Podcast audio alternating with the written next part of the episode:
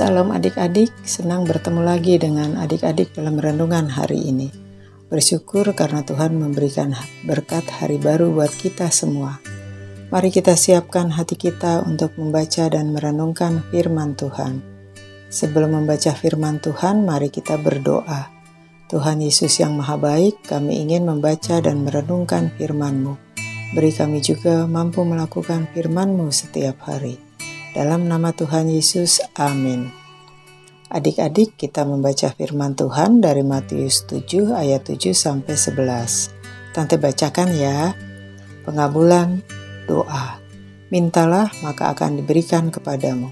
Carilah maka kamu akan mendapat. Ketuklah maka pintu akan dibukakan bagimu. Sebab setiap orang yang meminta menerima, yang mencari mendapat, yang mengetuk baginya pintu dibukakan. Adakah seorang dari antara kamu yang memberi batu kepada anaknya jika ia meminta roti, atau memberi ular jika ia meminta ikan?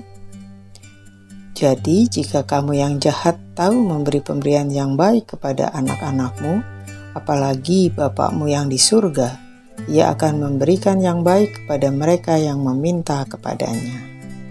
Nats ayat kita hari ini Matius 7 ayat 11b. Ia akan memberikan yang baik kepada mereka yang meminta kepadanya. Adik-adik, tema renungan kita hari ini kisah tiga pohon. Tiga pohon tumbuh dan hidup di suatu pinggiran desa. Pohon pertama mengatakan, "Saya ingin menjadi peti yang berisi harta, perhiasan emas, dan mutiara." Pohon kedua mengatakan, "Saya ingin menjadi sebuah kapal sang raja perkasa yang mengarungi luas samudra di seluruh dunia." Pohon ketiga mengatakan, "Saya ingin menjadi pohon yang tumbuh terbesar di antara pohon-pohon yang lain, dan orang akan melihat saya dengan kekaguman." Penebang pohon datang menebang pohon pertama dan menjual ke pengrajin kayu. Pohon pertama bahagia Beberapa waktu kemudian, penebang datang pohon kedua dan menjualnya ke tukang kapal. Pohon kedua senang. Selang beberapa hari, si penebang pohon datang dan menebang pohon ketiga. Harapan pohon ketiga buyar dan ia diletakkan di gudang. Pohon pertama menjadi tempat makan hewan ternak ia kecewa. Tetapi ketika suatu hari ia menjadi tempat bayi Yesus, ia menjadi sukacita. Pohon kedua dibuat menjadi kapal kecil, nelayan untuk menangkap ikan-ikan di danau.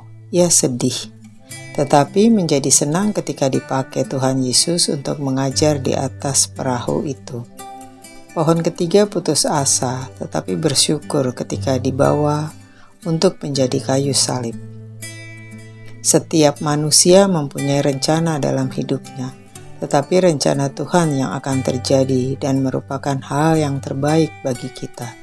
Kita boleh bersyukur atas rencana Tuhan. Caranya bukan cara kita, tetapi dengan cara Tuhan. Adik-adik, apakah impian dari ketiga pohon sesuai dengan rencana Tuhan? Oh, ternyata impian ketiga pohon tersebut tidak sesuai rencana Tuhan. Tetapi rencana Tuhan yang terjadi untuk ketiga pohon itu yang terbaik. Bagaimana cara mengetahui rencana Tuhan dalam kehidupan adik-adik? Untuk tahu rencana Tuhan, adik-adik harus sering membaca Alkitab dan berdoa ya. Yuk kita mau katakan, aku mau hidup dalam rencana Tuhan. Sekali lagi, Aku mau hidup dalam rencana Tuhan. Mari kita akhiri renungan hari ini dengan berdoa.